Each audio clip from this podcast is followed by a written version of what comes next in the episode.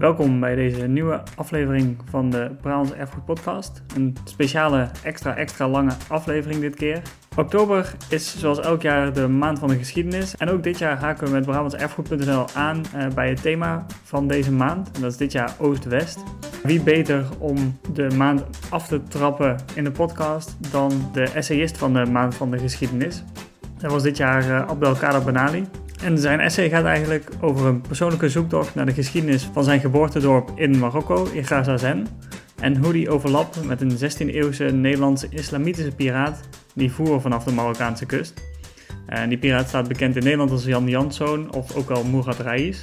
Het was een super interessant gesprek en vandaar ook dat het extra lang is uh, deze keer. Uh, we hadden het onder andere over het belang van geschiedenis en lokale geschiedenis en vooroudergeschiedenis voor je identiteit of identiteiten de actualiteit van lokale geschiedenis in een tijd van ontworteling en ontheming. En we hadden het ook over Brabantse grensgangers. Uh, Abdelkader Benali noemt Jan Janszoon eigenlijk een grensganger of iemand die vanuit het westen in dit geval naar tussen aangestekend het oosten uh, Marokko ging. Uh, en we hadden het ook even over een aantal andere Brabantse grensgangers, onder andere Snoeko Gronje. Als iemand die zich onderdompelt in een heel andere cultuur om onduidelijke of ambiguë redenen. Uh, maar we hadden het vooral ook heel erg lang over uh, Johannes Pauli, de 18e-eeuwse zwarte veldwachter in Hilvaanbeek. Het was heel erg gaaf om met iemand te praten die zo bevlogen was over geschiedenis en lokale geschiedenis. En iemand die dat zo goed onder woorden kon brengen. Abdelkader, heel fijn dat je tijd voor ons uh, ja. hebt om even met mij te praten. Ja, dag. via deze digitale wegen tegenwoordig. Ja. Kan allemaal. Allereerst, het is nu midden september en je hebt vorige week de Gouden Ganzen weer in ontvangst mogen nemen. Dus ik wil jou eerst nog even daar van harte mee feliciteren. Dankjewel. En om te beginnen, ja, het is toch de Brabants Erfgoed podcast. Um, heb je iets met Brabant? Ja, ik heb, uh, ik heb wel iets met Brabant. Uh, ik zal twee dingen uitlichten. Een vrij -hmm. recent dingetje is van een paar jaar geleden, is dat ik toen uh, stadsschrijver ben geweest van Helmond. Dus ik heb veel in Helmond vertoefd. Ik heb er mensen leren kennen en ik heb veel geschreven over Helmond, over de mensen in Helmond. En over de gebouwen. Ah, mooi. En uh, de wederzwaardigheden. Dat was ontzettend leuk om te doen. Ik heb ook een carnaval mm -hmm. meegemaakt in, uh, in Helmond. Oh. En dat was, uh, was ontzettend leuk. Het was ontzettend leuk. Ik, ik mocht aan de, aan de voorste tafel zitten. En de hele avond waren er van die kletspraatjes. En dat, dat, dat zal ik nooit meer vergeten. En een andere mooie herinnering die ik heb is... in de jaren tachtig gingen we op een familiebezoek in Bergen-op-Zoom. Uh, Bergen op Zoom ah, was uh, vanuit Rotterdam, uh, nou ja, het is een half uur, half uur, drie kwartier rijden ja. zijn geweest. Maar het was toch het gevoel dat je naar een, naar een andere plek ging waar dingen anders gebeurden. Wij spraken Rotterdams en, en mijn, mijn, mijn neven, die, die spraken Bergen op Zoom. Mm -hmm. En ik vond het allemaal, ik vond het wel hele stoere jongens. Dus was, naar Bergen op Zoom gaan was altijd spannend. Ja, je moet ook het water over natuurlijk. Het water over, precies. Ja, ja, ja precies. Ja, ja, ja. Die brug. Echt een grens over wat dat is. Die brug, joh. Ja, die prachtige brug met het monument ook aan het begin. Ja. Uit Brabant komt. Ja, en zelfs een Maria-kapelletje om uh, Brabant te beschermen ooit opgericht daar. Echt waar? Ik kom graag in Eindhoven, omdat daar een gratis ontwerper woont en werkt die mijn uh, posters en boeken vorm geeft. Mark Koppen. Ik kom graag in Den Bosch. Uh, prachtige stad. Dus Brabant staat op de kaart bij mij. goed, goed om te horen. Ja. Uh, we spreken elkaar nu eigenlijk vooral omdat je de essayist bent van de Maand van de Geschiedenis. Ja. Voordat we daar helemaal induiken, wat betekent geschiedenis voor je? Waarom is dat iets waar je altijd al interessant hebt gevonden? Ja, of? ja geschiedenis is voor mij een fascinatie en een zoektocht. De fascinatie, mm -hmm. omdat ik als kind al hield van de historische verhalen. Dus ik heb op de basisschool geen mijn werkstuk groep 8 over Napoleon. En dat was -hmm. Napoleon ontzettend op de verbeelding sprak. Uh, de tijd van de patriotten, de, de, de, de, Lodewijk Napoleon, zijn broer die naar de laaglanden werd gestuurd. Uh, het waren mensen, maar ze deden dingen anders. En toch deden ze ook heel veel dingen weer hetzelfde. En uh, dat vond ik fascinerend. Ik hield er ook van om naar, Mm. naar, naar musea te gaan en te kijken naar oude kostuums en, en, en zwaarden en, en, en historische artefacten. En waarom ik daar zo gefascineerd door was, dat komt denk ik toch door een persoonlijk gegeven, namelijk het feit dat ik als jongetje uit Marokko naar Nederland ben gekomen. En in mijn familie is er weinig geschiedenis.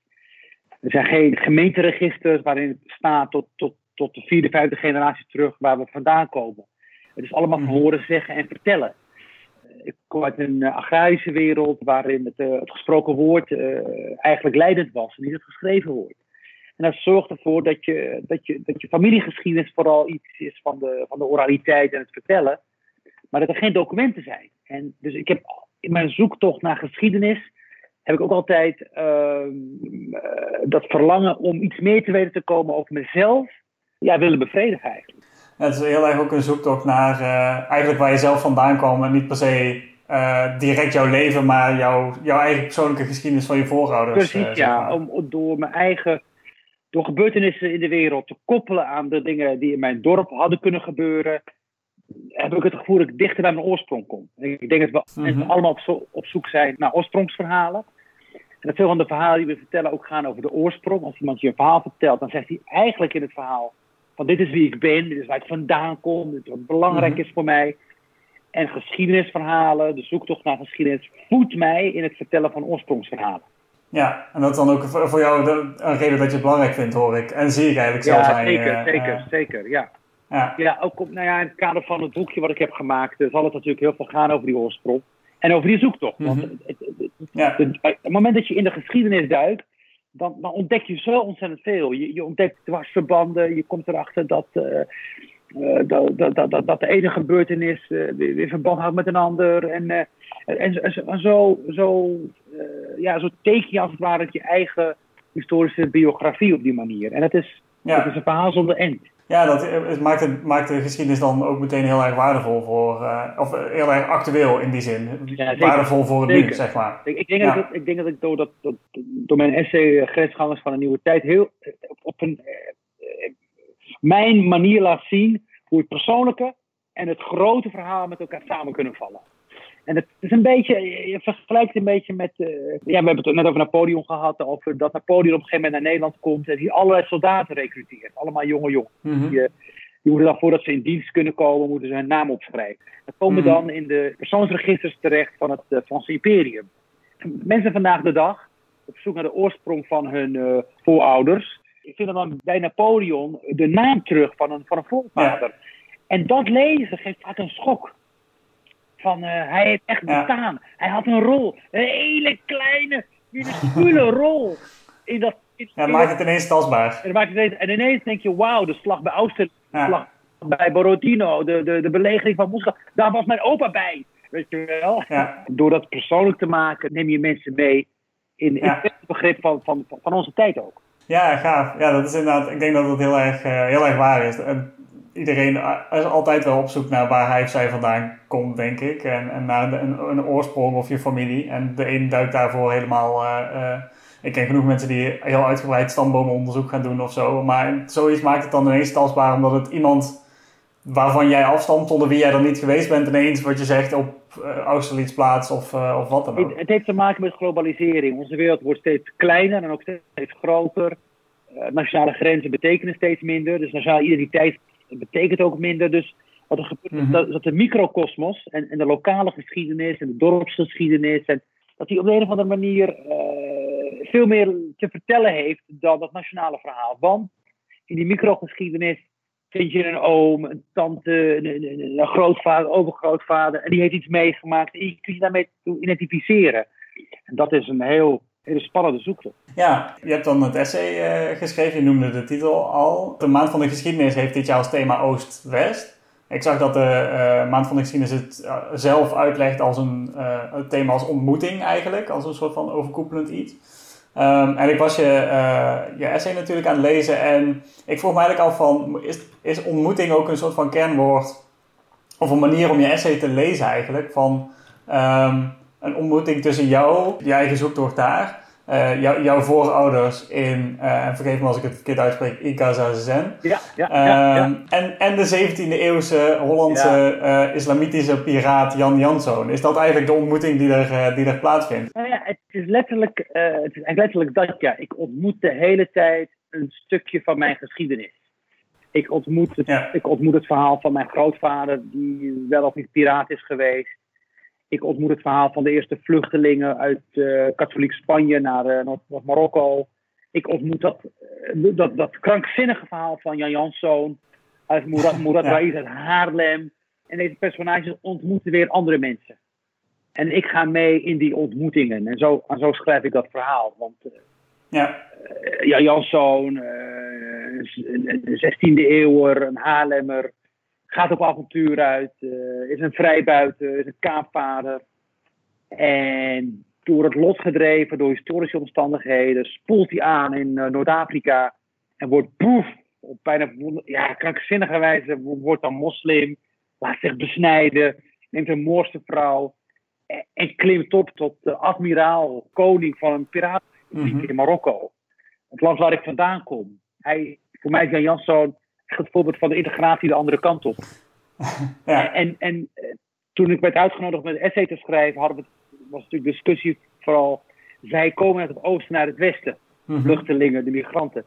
Ik ken uit mijn eigen, uit de verhaal die ik weet, weet ik ook dat er migratie is vanuit het westen naar het oosten. En dat die constant is, en dat die in de loop der eeuwen is, heeft plaatsgevonden. En dat daar fantastische verhalen liggen die iets ons kunnen vertellen over uh, het vraagstuk van migratie, identiteit vandaag de dag.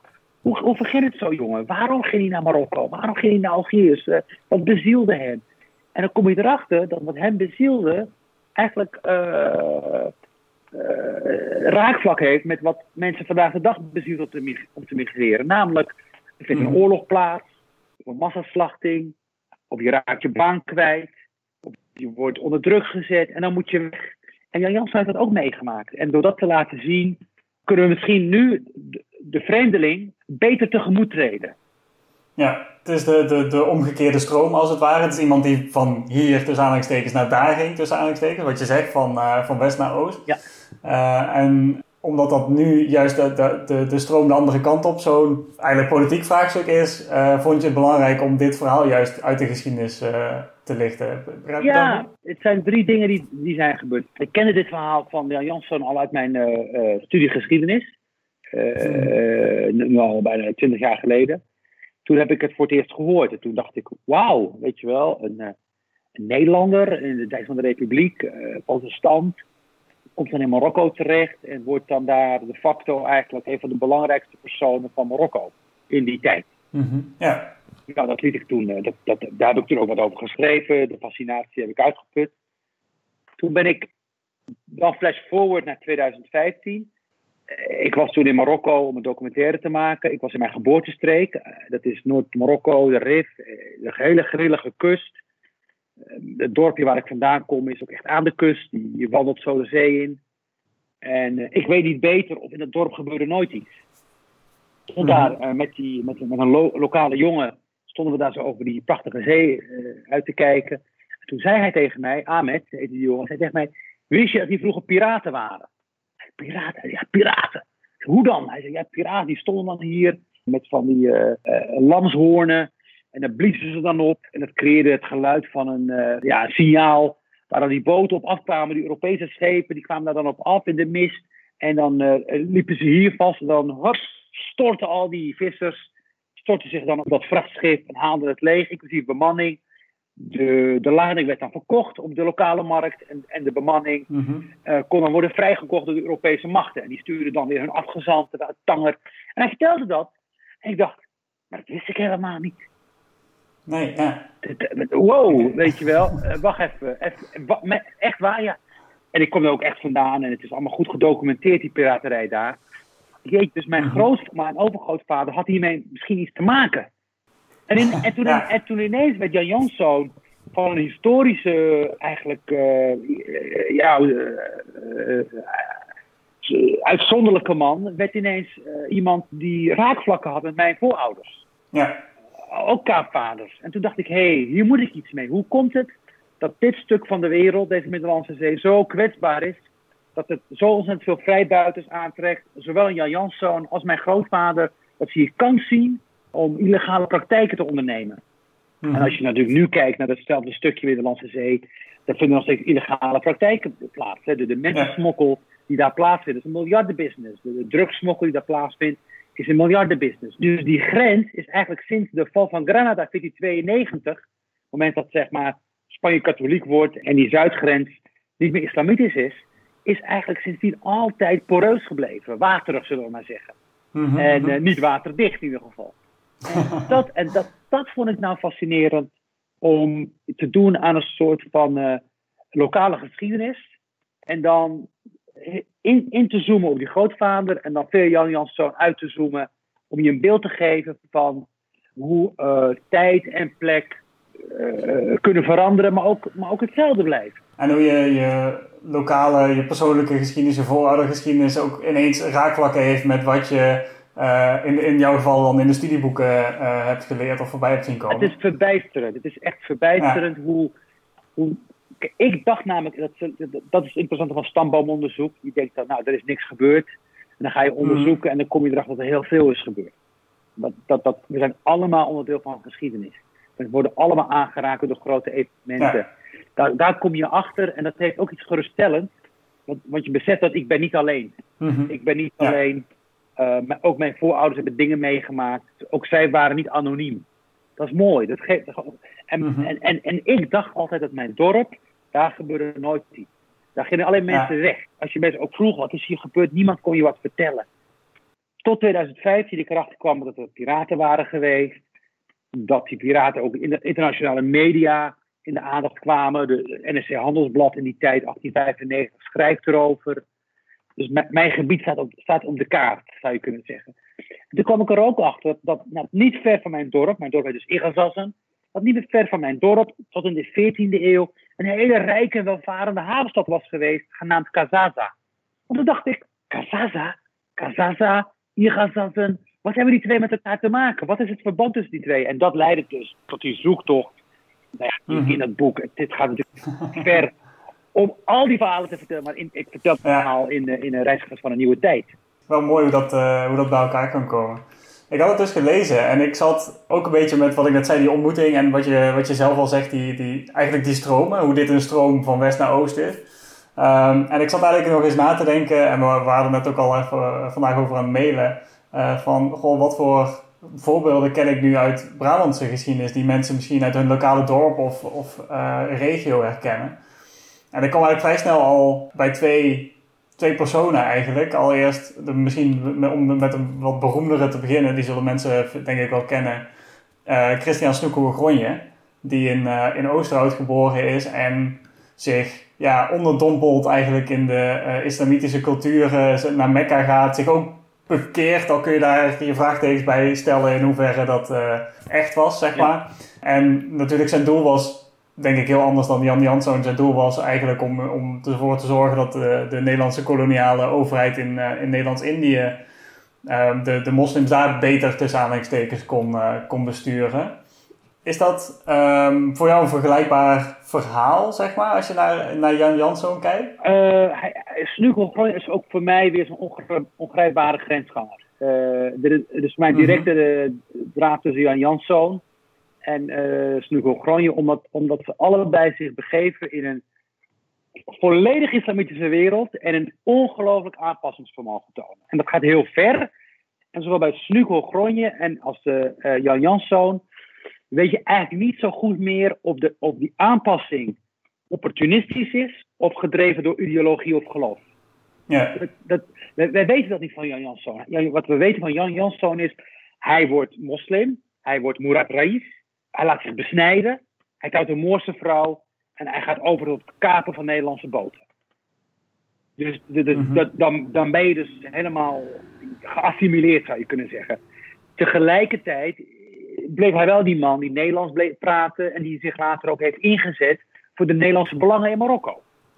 We mhm. weten het gewoon niet. Het is, het is, en, en misschien is het ook wel niet interessant om daar antwoord op te krijgen. Misschien is bekering altijd ambigu, ambivalent. Misschien zal iemand die is totale assimilatie nooit helemaal mogelijk, om zo niet gewenst, omdat we altijd die oude identiteit met ons meedragen. En met Snoekor gewoon hier diezelfde avontuurlijke, de lust tot avontuur eigenlijk, want uh, mm ja. weet je, hij was spion voor de Nederlandse overheid in Nederlands-Indië. De, de Aceh-bevolking was natuurlijk diep islamitisch, hè, het eiland waar, uh, waar uh, dichtst bij de Arabische wereld van mhm. waar die uh, karavaanroutes uh, vertrokken richting Mekka. En hij werd erop uitgestuurd om, om te onderzoeken in Mekka of daar geen dingen werden besproken gedaan die schadelijk waren voor de belangen van Nederlands-Indië. Ja, ja of, of, mensen die het radicaliseerden, zou je in, in tegenwoordig zeggen. Precies, precies. Ja. precies. precies. Hij, hij ging kijken van in hoeverre is die, is die radicale ideologie, zijn die mensen van Aceh daar vatbaar voor. Hij gaat erheen. Heb je, heb, heb je zijn boek gelezen, Mekka? Dat is een fantastisch boek. Dat is, dat, dat is geschreven niet door een spion of informatie. Dat is, een, dat is geen door antropoloog. Hij, hij, Mhm. hij, hij combineert allerlei dubbelfuncties. Hij laat zich besnijden in Mekka. Hij krijgt een moslimnaam, Ab Abdul Ghafoor, eh, de zoon van de vergevingsgezinde. Hij moet op zoek naar een vrouw, want een man alleen in Mekka, dat kan. Ja, ja. Wel een vrouw aan. En hij beschrijft, het, hij beschrijft het heel gedetailleerd. Dan denk ik, ja, eigenlijk is Snoek Orgonje in de, misschien wel die- uiteindelijk een, een schrijver. Iemand die, Mm. die, die heel ver gaat in het spelen van een rol. Om iets te kunnen meemaken waar, waar, hij, waar hij mee kan uitpakken. Ja, Hij is ook de man die de eerste foto's heeft gemaakt van Mekka. ja, precies. Dit zijn fascinerende, schitterende foto's zijn. Ja. En in Saudi-Arabië willen ze al, al te graag die foto's hebben, want, want het is een blik op hun cultuur. Ja, Zo, ja. en, zo, en zo krijgt een grensganger voor verschillende actoren een verschillende functie. Voor de ene is hij spion, voor de andere is hij antropoloog, voor de ene is hij schrijver, voor de andere is uh, intrigant en ga zo maar door. En de vraag is of hij echt moslim is, die blijft open. ja, Hij keert terug naar Nederland, eh, laat die vrouw erachter in Mekka. ja. Ik weet niet of hij kinderen met haar heeft gekregen, maar wat, wat, ik, wat ik begrijp is dat hij daar nooit uitsluitsel over heeft gegeven.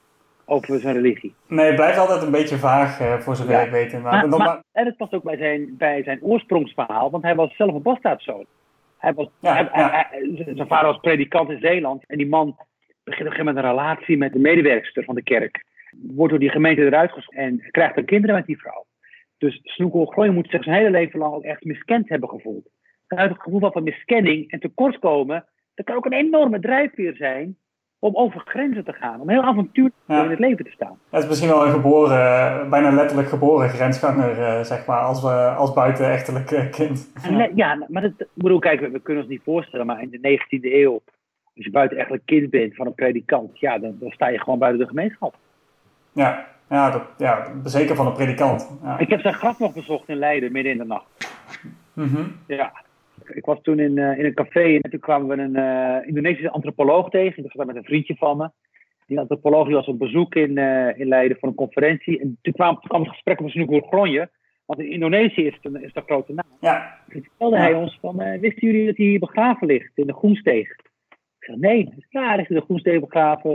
En toen was het twaalf uur, we waren een beetje dronken. Zijn we naar die begraafplaats gelopen. En over het hek geklommen. om, dat graf te ontdekken. Ja, maar dat, dat- als je het hebt over de zoektocht naar, eh, naar artefacten, hè, de, de nieuwsgierigheid.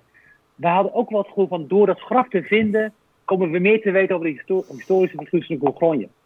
ja, ja, ik weet nog wel dat er ook, hij is volgens mij bijna in zijn eentje, in zijn eentje begraven in de zin van dat er bijna niemand bij zijn eh, begrafenis was en zo. Ook een En beetje zo uitgestoten uit de Ja, maatschappij klopt. eh, waar hij, toen hij, werkte. Hij is Ja. niet in het familiegraf begraven, klopt. Ja, Ja. klopt. Zei die Indonesiër ook tegen ons. Want die wist het allemaal precies te vertellen. Ja, grappig. Ik kwam nog een andere eh, grensganger tegen, om het even zo te noemen, die ik opgestuurd had. Eigenlijk die wel, als het ware, van, van oost naar west ging. Ja. En dat was eh, Johannes Pauli. Die zullen denk ik veel mensen niet kennen. Eh, maar dat is een, een tot slaaf gemaakte man die in het eind van de 18e eeuw door zijn eigenaar wordt meegenomen naar Nederland. En uiteindelijk komt hij dan terecht in een klein dorpje onder Tilburg, wordt hij veldwachter en woont zijn familie nog een aantal generaties. Eh, al dan, op dat moment is hij alweer vrijgemaakt, eh, geloof ik. Ehm, hoe kijk je dan daarnaar? Want dat is, dat is juist de andere kant op en iemand Ja. die in een heel bijzondere wereld moet, terecht moet zijn gekomen. Voor Ja, hem. ja eh, Johannes Pauli was voor mij een ontdekking. Jij stuurde mij die link toe en ik, ik heb die link echt ademloos gelezen. En ik kan iedereen aanraden om die link ook even erbij te pakken. Want het is een fascinerend verhaal. Eh, die iets vertelt over ons slavernijverleden. En die ook iets vertelt over Ja. huidige identiteiten. Het deed mij denken aan het roman van Arthur Japin, de, de, de Zwarte met het Witte Hart. Mhm. Over die Nederlandse samenleving waar, waar zwarte mensen in komen. eh, die op een gegeven moment hier eh, worden vrijgemaakt. De trouwen met, met, met een lokale dochter. Ja, Eindigen als de ruziemakende veldwachter. er wordt over hem geklaagd. Hè? Hij is een veldwachter, Mhm. als een politieagent spelen. Maar mensen klagen over hem, want hij is nogal die een beetje te streng was. En natuurlijk met die huidkleur. Maar dat wil dus wel dat die man zelfvertrouwen had. Dat die, man, dat die man Ja. was. En het, ik, ja, het het- ik, je, kan het niet verzinnen. Dat, dat vind ik er mooi aan. Als jij Ja. tegen mij zou zeggen, luister eens. Er is een Nederlander die heeft plantages in Suriname en die, die komt uit Brabant. Op een dag besluit hij zijn, heeft plat gezegd, zijn slaafgemaakte Afrikaan mee te nemen met wie hij een goede relatie had. Met als misschien de gedachte van, dan kan hij in Nederland mij, mij, mij verder helpen. En dan komt hij aan in Nederland en hij weet zo, zodanig integreren dat hij uiteindelijk een, toch een redelijke positie heeft binnen die gemeenschap. En ook, ook te maken krijgt met discriminatie. Dat zeggen die teksten ook. Ja. Dan zou ik Ja. zeggen, ja, dat, die verzin je. Ja, En- ja, het is bijzonder, hè? En, Ja. en het aardige van dit project van mij, van de grensgangers van een nieuwe tijd, is dat, dat ineens mensen dit soort mensen ontdekken. Het blijkt Ja. er veel meer te zijn dan we dachten. Ja, je, je, geeft er niks voor als je zegt, ja, in de 18e eeuw liep er een zwarte veldwachter rond in een echt een klein dorpje onder Tilburg in Hilvarenbeek. Ja, dat gelooft niemand, maar het was wel zo. Het is een film. Ik, ik, en, eh, Ja. denk een beetje gidsen regisseur, producent maakt hier meteen een film van. Het is zo- het is zo'n Ja. mooi verhaal. Ja, vooral ook omdat zijn naakslacht heeft er ook nog een tijdje eh, gewoond. Hij heeft ook gewoon kinderen gekregen en die hebben er ook nog een Ik tijdje net gewoond. zeggen, ik dacht meteen heeft hij kinderen gekregen en lopen die nog rond. In Ja. Varenbeek. En inderdaad, heeft zes kinderen gekregen. Ja, Ja, er, er, moet dus, er moet dus nageslacht zijn. Wilt u zich melden, meneer? Het is begin, eh, begin 19e eeuw. Eh, ja, dat, is gewoon eh, drie grootvaders terug. ja, ja, het is helemaal niet zo heel lang geleden. hoor. Aan de ene kant is het ook wel vergelijkbaar met zo'n Jan Janszoon als iemand die in een heel andere wereld terechtkomt. Alleen was Johannes Pauli was dat natuurlijk tegen zijn wil. Of tenminste, Ja. laten we wel, hij is meegenomen. Dus Ja. ik weet niet of hij daar zelf zoveel zin in had. Dat weten we gewoon niet. Ja.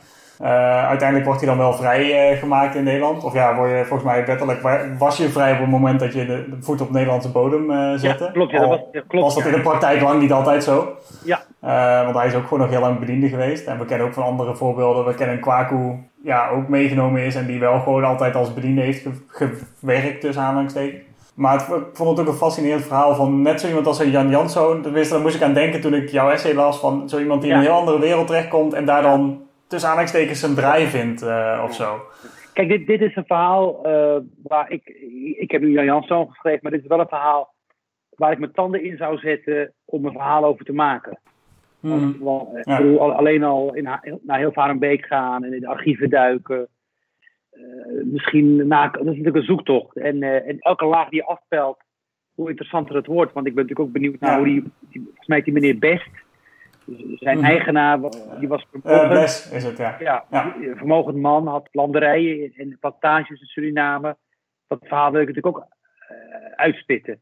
Het is ook de tijd van de Franse Revolutie. Dus, dus de vraag is natuurlijk in hoeverre was, die, was het vrijmaken ook onderdeel van een soort van dat revolutionaire idee van gelijkheid, Mhm. eh, broederschap en, eh, en eh, vrijheid. Dat, dat, dat dat ook nog meespeelt. Ja. Dus, dus het speelt Ja. voor alles. Ja, er zit een heel mooi, eh, heel mooi kruispunt eh, in. En je vraagt je af wat die man, of hoe zo'n Johannes Pauli ook naar zichzelf keek. Als we dan weer terug eh, gaan naar identiteit, van Ja. ja. hoe, hoe zou hij zichzelf gezien hebben? ik zou er wat voor open hebben. Dat is vaak bij dit soort zoektochten. dat is een interessant punt. De- deze mensen laten bijna geen bronnen na. Ze hebben vaak niet. Ja, Ze, zijn wel, ze wordt wel over ze geschreven. Maar zelf schrijven ze niks. Ja, Janszoon kon naar alle waarschijnlijkheid niet lezen en schrijven. Pauli wel. Eh, want hij, hij was als ordehandhaver. Moest hij, was het ook een voorwaarde voor, Ja. voor die functie. Eh, ik, ben dan, ik zou wat voor over hebben om al was het maar een, een paar krabbels van hem te kunnen lezen. Je kunt dan beginnen te interpreteren en dingen in te vullen. Waardoor je nog wat dichter bij het historische personage komt. ja, ja, inderdaad. Wat ik heel graag Ja. wil weten is. eh, wat, wat zagen ze in die man? Was hij toch die zwarte? Was hij onderdeel van de gemeente? Ja, hij, zat ook in de kerk. Hij was, dus hij had een positie. Dus ik, nou goed, ik, heel veel vragen. Ja, heel, die, heel die dynamiek in dat dorp eh, is, moet enorm interessant zijn eh, als, je daar, als we daar ooit nog achter zouden kunnen, Ja. kunnen komen. Ja. Ja, en, en ik las ook eerder, om weer een beetje terug te keren naar, eh, naar jou in het essay eigenlijk, van dat je identiteit ook als tussen aanstekens mijn thema eh, noemde. Jouw thema dus, niet mijn thema. Ja. En dat zie je ook denk ik echt wel terug in het essay. Zeker aan het einde eh, bevraag je jezelf eigenlijk, heel erg letterlijk wie je nou precies bent. Ja. En je hebt al een beetje aangegeven van wat, waar- waarom dat voor je überhaupt zo'n zo'n groot thema is en welke, welke rol geschiedenis daarin speelt. Maar denk je dan ook aan verschillende soort van regionale identiteiten bij jezelf? In de zin van ik ben iemand uit eh, Amsterdam of uit Rotterdam of ook uit je geboorteplaats. Eh, ik las in je essay dat je heel erg blij verrast was als journalist volgens mij in Ja. Marokko waarmee je sprak dat hij wist waar je vandaan kwam Ja. of geïnteresseerd was waar je precies vandaan Ja. kwam. Zeg maar welk dorpje in plaats van zoals het in Nederland was Marokko, en dat is goed genoeg. Precies, ja, ja. ja dat, dat, nog, we, we begonnen met het verhaal over de oorsprong. En mm weten uh, waar je geboren bent, daar hoef je niet noodzakelijkerwijs op te groeien. zoals in mijn geval, ik ben naar vandaag gegaan. Maar daar liggen wel verhalen. Je kunt ze ook wortels noemen. En, mm -hmm. en, die, en, ik, en ik denk dat ik een deel van mijn gevoel van ontworteling en vervreemding, die je krijgt als je kind van de migratie bent, probeer ik een stukje te herstellen door, door dat verhaal van het dorp te vertellen. Mm -hmm. En dat is niet een project van een jaar of zo, maar daar ben ik al 25 jaar mee bezig. En uh, dat, daar blijf ik nog wel even mee bezig. Helemaal naar aanleiding van deze ontdekkingen. Er is ook veel archeologie in dat gebied geweest, veel artefacten. Teruggaan naar de, naar de Venutische tijd, tegen de bronstijd aan. aan. Dus het blijft, het blijft spannend, het blijft interessant. En, uh, en vanuit dat gegeven kan ik weer lijntjes trekken naar andere tijdperken en andere verhalen. Uh, ik voel me daar goed bij. Ik voel me daar goed bij. Mm -hmm. uh, we leven in een tijd waarin veel mensen zich ontheemd voelen en uh, zich ontworteld voelen. En niet zo goed weten wat de toekomst zal brengen. En soms kan je door een duik te nemen in je oorsprongsgeschiedenis ook weer even je verplaatsen in je voorouders. Hoe hebben zij de dingen meegemaakt? Wat hebben zij overwonnen? Welke grote evenementen hebben zij meegemaakt? De Spaanse griep als een voorbeeld, de Eerste Wereldoorlog. Uh, het moment dat, dat nou, Napoleon uh, over het, door het land trekt en verwoestingen aanricht. Kan je daar iets bij voorstellen? En waardoor je ook, als je dat hebt gedaan, denkt: oh ja, oké, okay, ze, ze, hebben, ze hebben ook moeten vechten, ze hebben ook iets gewonnen, iets verloren. Het is van alle tijden. Ja. En, en, en ik kom eruit voort, ik ben nu hier en nu is het aan mij om daar, dat, dat, ik, dat ik tot handelen kom. Dat ik goede dingen ja. doe. Dat ik uh, mensen help, verantwoordelijkheid draag. Dat kan je daarin sterken. Ja, en dan is dat uh, je onderzoek rond je geboorteplaats is ook een, een vorm van je, je, je, je eigen identiteit in te kleuren en je, jezelf weer te wortelen eigenlijk. Het is een vorm van mezelf sterk voelen. Ja, ja precies. Hoe meer ik weet van mijn dorp, hoe, sterk ik, hoe sterker ik me voel. Want dat is van ja. mij. En, ja, ja, en, dan, en, dan, en dan, als ik tegen mij dan kan ik het weer uitdelen. Kan ik het weer weggeven. Want het is onuitputtelijk. Dus ik gebruik het niet om, om een schild te werpen van kijk eens wie ik ben. En dus, nee, ik, gebruik het, ik geef het juist van kijk eens, en wat is jouw verhaal? Dat komt ook een beetje omdat ik, ik genoot altijd van mensen, schrijvers of goede vertellers, of, die altijd mooie verhalen konden vertellen over hun dorp of over hun stad. Mm -hmm. Die iets konden vertellen over het, het nabij of verre verleden en het inzichtelijk konden maken voor mij. Daar had ik altijd heel veel bewondering voor. Die namen me mee in een verhaal. En zo, dus die hebben mij ook geïnspireerd om, om, dicht, om het dichter bij mezelf te zoeken. Ja, kan ik me voorstellen. En het is ook voor veel mensen de omgeving die je kent of die je van vroeger van herinneringen misschien ook kent. En wat je zegt misschien ook wel, dat, dat vond ik wel grappig dat je dat zei. Van, ik kom ook uit het dorp uit Brabant waarvan ik altijd was overtuigd dat er nooit iets gebeurd was. Welk dorp is Misschien is dat ook Valkenswaard, onder Eindhoven. Ja. Ik had altijd, misschien, ik weet niet of dat iets universeels is, maar ik had altijd wel zoiets van, oh, er is nooit iets gebeurd ja, of zo. Ja, uh, uh, en dan kom je er tien jaar, als je studeert, ik heb ook geschiedenis gestudeerd, kom je er dan pas achter dat er daar ook natuurlijk, uiteraard zijn er ook dingen gebeurd. Want ik bedoel, het is in de wereld, dus dan is er altijd wel iets gebeurd. Maar uh, dat vond, ik vond het wel grappig dat je dat, uh, dat, je dat ook aangaf, eigenlijk alleen dan voor jouw uh, geboorte, geboorte En is in die zin zo'n regionale identiteit ook, of zo'n zo regionale geschiedenis iets om je eigen, ja. ja, wat je zegt, je eigen identiteit een beetje mee, mee vorm te geven. Of dat dan in het noorden van Marokko is of in Zuid, Zuid-Noord-Brabant. En, en wat het interessante is van, van dit inzoomen op de regionale identiteit, is dat je het echte verhaal ziet van echte mensen. Dus niet de politiek, maar je ziet bijvoorbeeld, wat ik heb ontdekt bijvoorbeeld, is in wat voor grote mate vluchtelingen mijn geschiedenis hebben bepaald. Vluchtelingen uit Andalusië, vluchtelingen uit Nederland, uit de zuidelijke Nederlanden, de watergeuzen, het waren allemaal vluchtelingen. Mm -hmm. Jan Jansson was eigenlijk ook nog vluchtelingen, eigenlijk in Haarlem, omdat het bezet was geweest door de Spaanse furie. Dus alles wat daar gebeurt aan beweging heeft vaak te maken met verdrijving. En als je gaat kijken naar de geschiedenis van steden, dan zie je dat steden vaak worden, weer worden bevolkt door vluchtelingen, door nieuwe migranten. Die komen dan en die blijven een paar generaties en er gebeurt er weer iets verschrikkelijks. En dan raakt de stad ontvolkt en dan, komen, mm -hmm. en dan komt er weer een nieuwe groep binnen. En dat is interessant. Dat is veel, ja. dat brengt je veel dichter bij de kern van geschiedenis dan het van het nationaal niveau. Van we hebben een grens en bij die grens stopt alles. En, en Brabant is natuurlijk, dat is, als je het over grensgangers hebt, Brabant is natuurlijk per definitie het grensgebied van Nederland. Ja. Het, het, het is een kruispunt tussen uh, de Burgondische cultuur, de protestants uh, Noord-Hollandse cultuur. Het zit tegen Limburg aan, wat tot in de vorige eeuw een Franse provincie was. En dan heb je Zeeland, met zijn openheid naar de Noordzee. Dus dat is natuurlijk per definitie een gebied waar enorm veel mensen zich in bewegen. Ja, ja het is een enorm kruispunt wat dat betreft ook. Uh, als generaliteitsland ook natuurlijk heel lang. En um, om een beetje af te sluiten, is er e-, één specifiek ding wat je hoopt dat mensen meenemen als ze je essay gelezen hebben straks?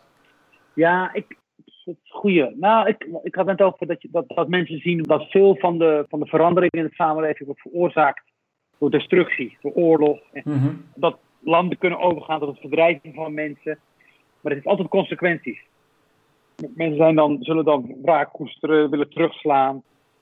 Mm -hmm. Jansson kan je niet begrijpen zonder, uh, zonder naar, de, naar het grote plaatje te kijken van die enorme bewegingen die in Europa plaatsvonden in de 17e eeuw. Uh, de opkomende wereldmachten van Spanje en het Ottomaanse Rijk, die botsing die plaatsvindt, de rol van de republiek uh, als, als, als eerst ketterse buitenplaats en dan op een gegeven moment de maritieme macht.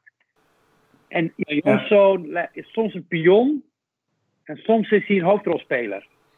Ja, ja, ja. En dat is wel wat de geschiedenis ons laat zien, is dat we kunnen ons vaak een pion voelen, maar er zijn momenten waarop we echt wat verschil kunnen maken. En de verantwoordelijkheid dragen voor verandering.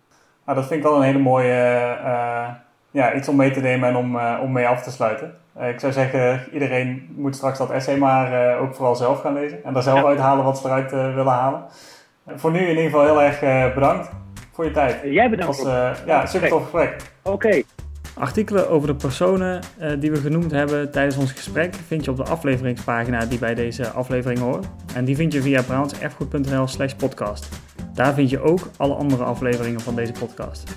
Reizigers van een nieuwe tijd, Jan Janszoon, een Nederlandse piraat in Marokkaanse dienst, het essay van Abdelkader Banali, vind je sinds 1 oktober in de boekhandels. Alle artikelen die we voor brownserfgoed.nl hebben opgehaald voor deze maand vind je op brownserfgoed.nl slash oost-west. Ja, daar vind je het hele overzicht onderaan de pagina, onder andere de artikelen over de Paulies. We hebben ook superveel andere interessante artikelen opgehaald binnen dit thema. Wil je nou op de hoogte blijven van alles wat er gebeurt op brabantserfgoed.nl, schrijf je dan in voor de nieuwsbrief. Dat kan via brabantserfgoed.nl slash nieuwsbrief.